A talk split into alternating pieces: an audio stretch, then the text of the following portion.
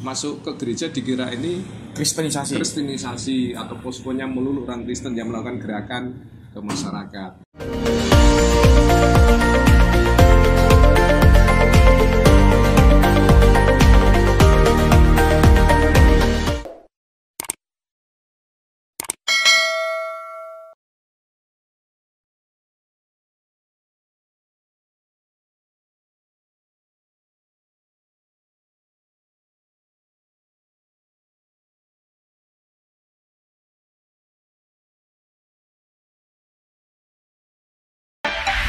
Halo Sobat Cafe Pastur, saya Romo Juve. Sekarang saya berada di Gereja Stasi Santos Franciscus Xavierus Pacitan. Nah, di sini ada Romo Projo yang bertugas di daerah tapal batas atau perbatasan Kusupan Surabaya dan Kusupan Agung Semarang. Nah, kita akan tanya-tanya sama Romo Projo yaitu silakan Romo perkenalan. Romo siapa?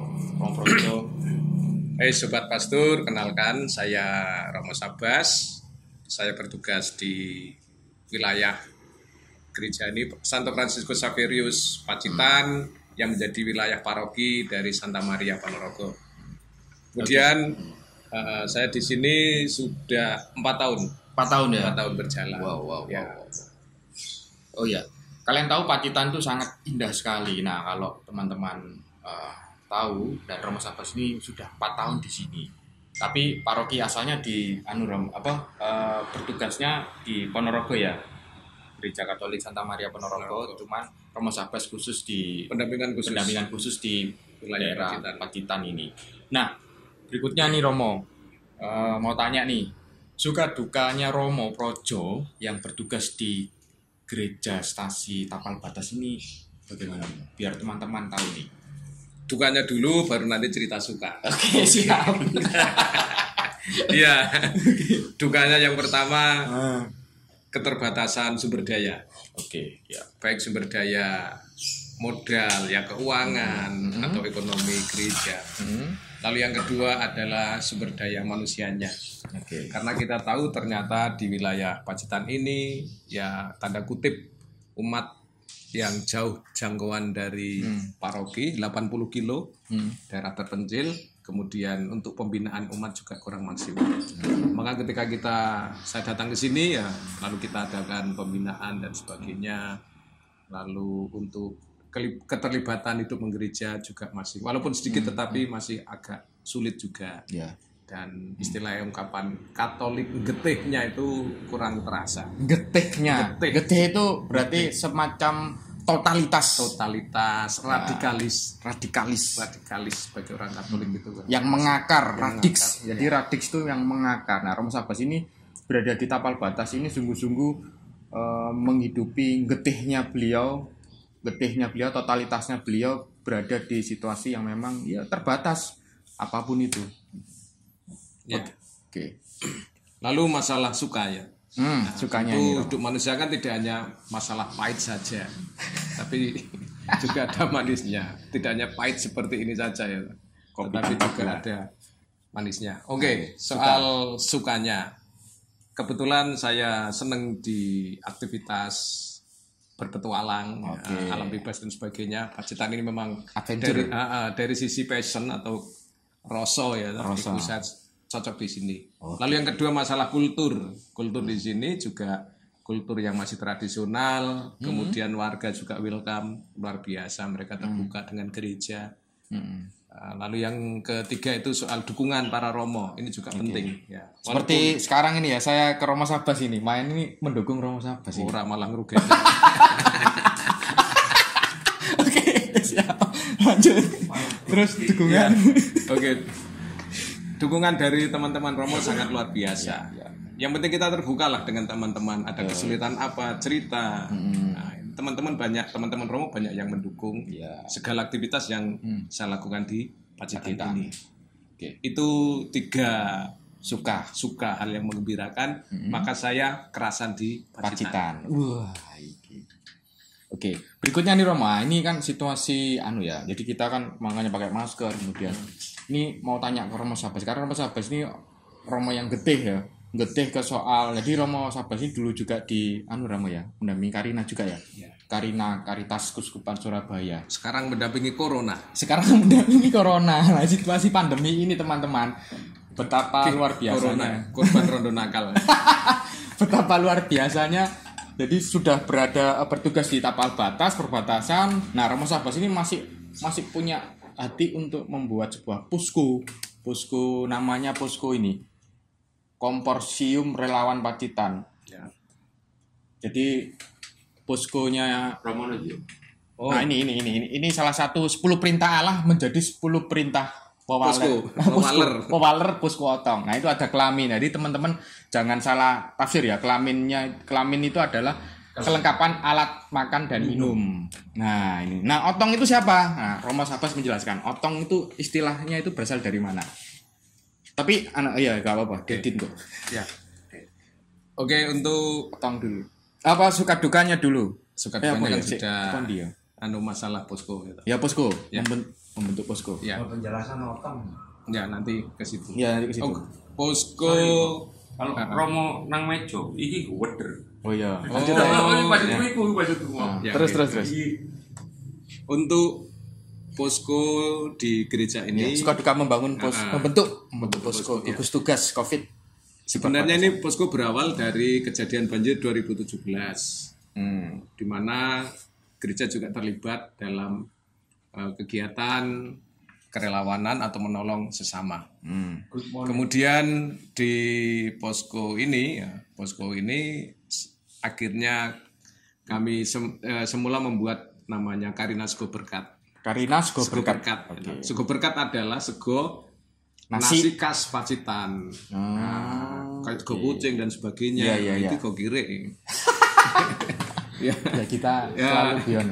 Eh, kami diharapkan gereja ini menjadi berkat bagi orang-orang di sekitar. Oke. Dan inilah gereja yang berwajah sosial. Hmm. Kalau di sini mau menekankan soal jumlah umat yang begitu besar, begitu banyak, itu tidak bisa. Iya. Tetapi bagaimana gereja yang kecil harus bermutu, berkualitas di tengah masyarakat. Hmm. Itulah ibarat seperti sego berkat Berkat ya. menghidupi Dan hidup dalam berkelimpahan, berkelimpahan rahmat Hmm, dan dikenal oleh lingkungan masyarakat. masyarakat. Karena di sini gereja menjadi ini gereja tapal batas. Tapi tapal batas itu akan harus kelihatan. Iya, betul. Tapal batas itu harus kelihatan. Jadi warna. Jadi warna tersendiri dan menjadi kekasan dari sebuah wilayah. Oke. Maka gereja harus kelihatan di tengah masyarakat. Oke. Kemudian berkembang sekarang pandemi corona. Hmm. Iya, ada sponsor guys. Sponsor. Bentar. Ini ledang bahasa kami. Oh, ledang itu kampanye dengan speaker lalu keliling kampung. Oh iya. itu ledang. Lanjut. Ya. Menjadi Akhirnya sekarang Karina Berkat itu bergabung dengan berbagai lintas komunitas kerelawanan yang ada di Pacitan. Ada namanya komunitas Sor Asbes. Oh. Ada ETD, ETD Etan Tembok Dur itu samping penjara. Kemudian ada petarung kehidupan. Ini teman-teman dari pondok pesantren, atau bakal pondok pesantren. Kemudian ada posko Punung, ada aksesari dan sebagainya. Ini bergabung namanya komporsium. komporsium. Bukan komporsi, bukan bukan komporsium, komporsium yang macam Konsor. Konsorsium. Ah, bukan konsorsium itu. Komporsium artinya itu komunitas orang koplak yang suka bikin senyum. Oke. Koplak itu apa Romo? Koplak ya kayak awakmu kuwi. Oke, siap. Iya. Gak apa-apa. Oh, wong gendeng. Bully yang koplak. mendidik ya gini Iya. guys. Seperti sinom. Terus lanjut. Iya, komporsium.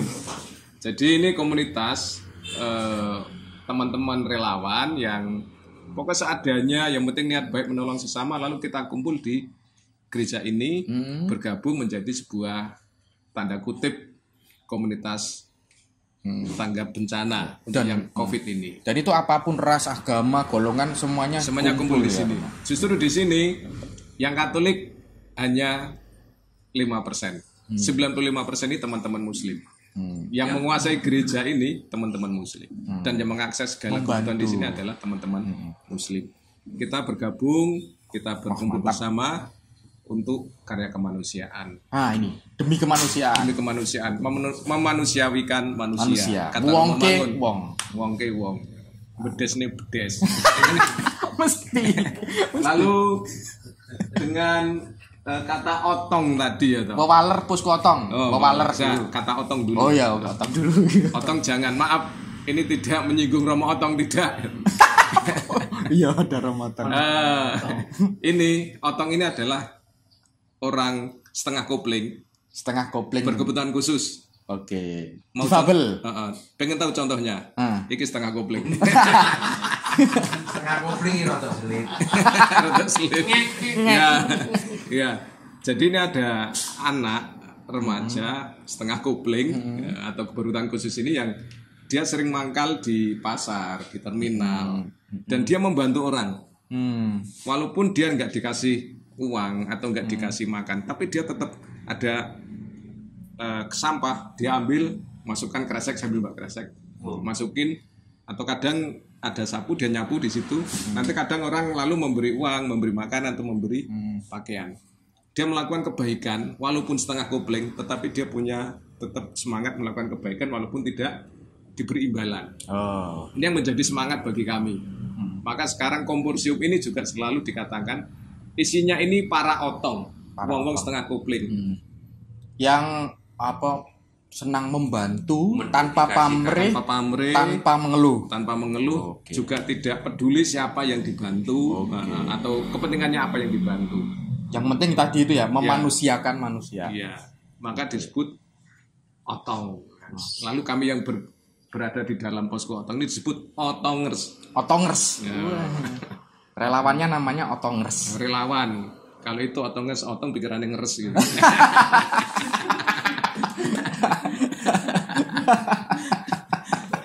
Ya. Lalu pewaler artinya semacam peraturan, Oke. protap, prosedur Protap, ya. tetap.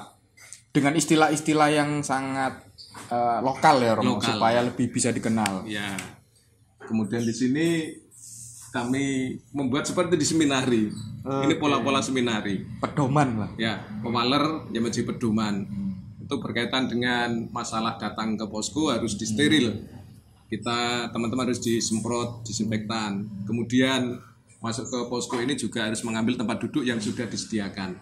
Jadi tiap-tiap relawan punya kode-kode Nomor ya. nomor nomor otong gitu. Nomor otong. otong. Ya. Lalu dari tempat duduk sampai dengan alat-alat makan itu semua sudah ada nomornya dengan loker-loker. Di distancing. Ya. Itu ah kalau Distancing yang semua makan alat ini- makannya. Ya, distancing semua. Nomor kelamin. Nomor kelamin. Kelengkapan makan dan minum. Oke. Nomor 4. Itu alat kelaminnya para otong kan. Ya. Oke. Terus eh, jadi lalu bagaimana nih Romo?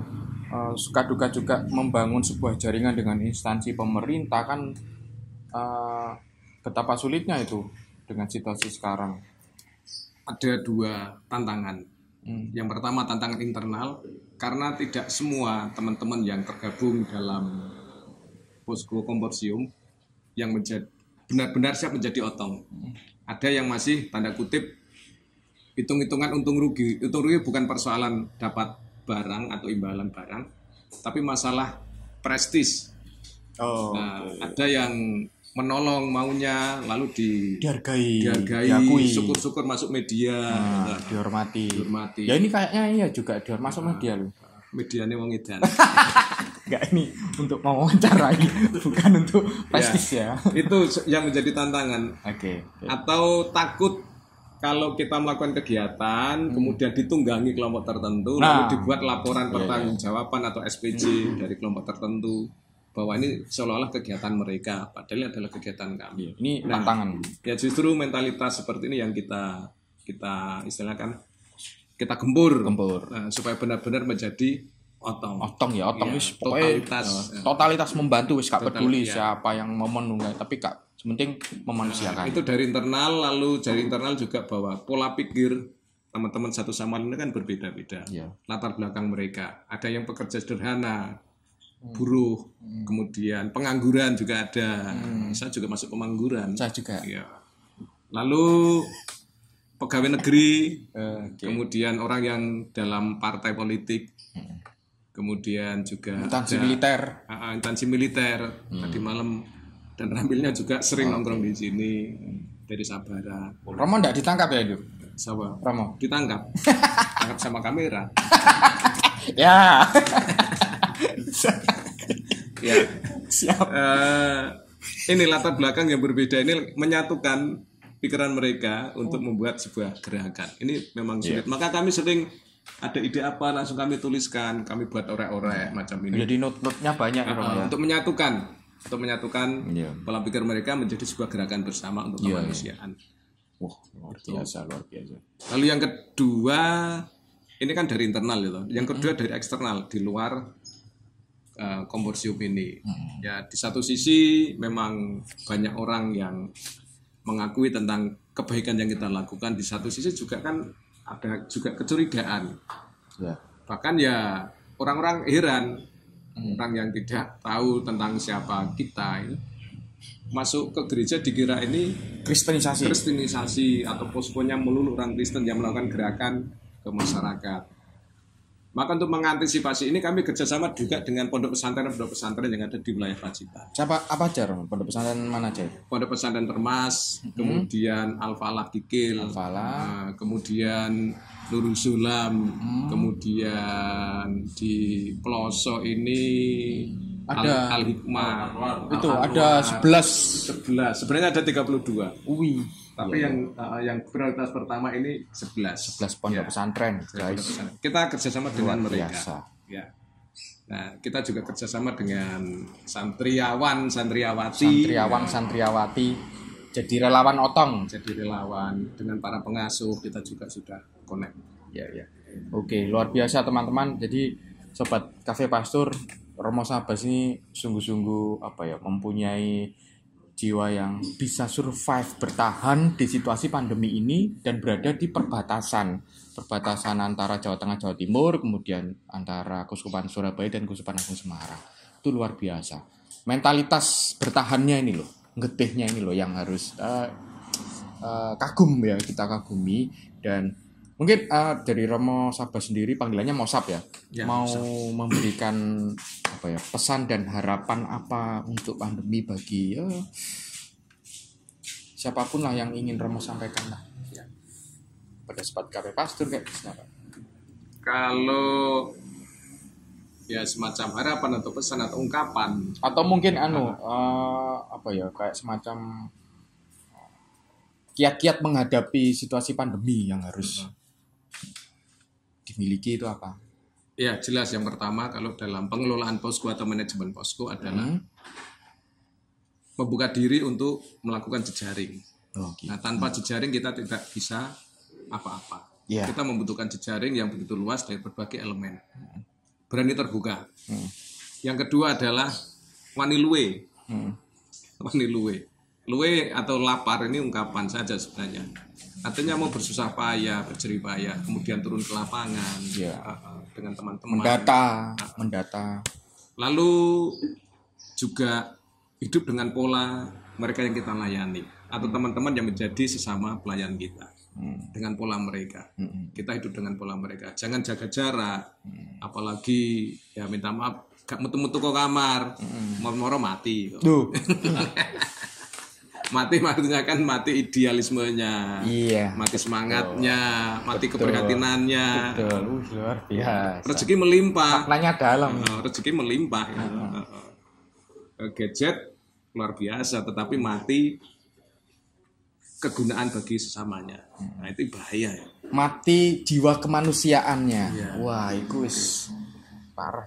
lalu untuk semacam pesan ya bahwa ya pesan atau ungkapan ya apa yang saya lakukan saat ini ini bukan sebuah hal yang tiba-tiba bentuk saja bukan mujizat yang golong-golong dari langit langsung saya berubah seperti ini tapi ini adalah seni yang terus-menerus dilatih Iya. dan seni dilat dan pelatihan seni ini sejak di seminari. Oke, Jadi seminari. tabisan, tabisan itu tidak merubah Hmm, naturalitas kita betul. atau kodrati kita, kodrati kita. Hmm. Tetapi yang bisa mengubah menjadi sebuah habit atau kebiasaan adalah pembelajaran yang terus menerus. Iya. Tabisan bukan segala-galanya untuk mengubah karakter.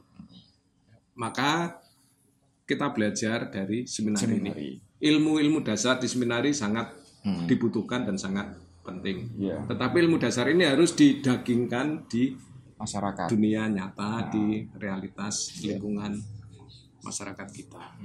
Jadi Membawa sabda, bahasanya Romo sabda yang hidup. sabda yang hidup dari mimbar ke pasar. Waduh, pasar pasar Simo. Ditutup pasar Simo. pasar. itu ya jadi eh, la- pelatihan itu sejak dari seminari. Ya. Jadi luar biasa memang teman-teman. Jadi di seminari itu sungguh-sungguh sebuah tempat pembinaan yang bisa membentuk siapa kita, imam model apa, imam dengan cara apa. Karena Keprihatinan apa? Mm, apa? Karena di seminari itulah nanti teman-teman bisa mencari sebuah ya, pembelajaran sendiri lah. Contoh sederhana membantu teman itu sudah menumbuhkan menumbuhkan pedulian kepedulian. Membantu teman yang susah, ikut-ikut apa kerja misalnya opera. Opera itu kalian hidupi dimakna itu akan memunculkan sebuah apa ya kepekaan-kepekaan terhadap lingkungan juga gitu. Itu Itu cukup. jadi Mari kita, Mari mari kita. ngopi otong. Wah, ini Ramadan ini. Oke, sampai jumpa sobat kafe pastor. Semangat. Semangat.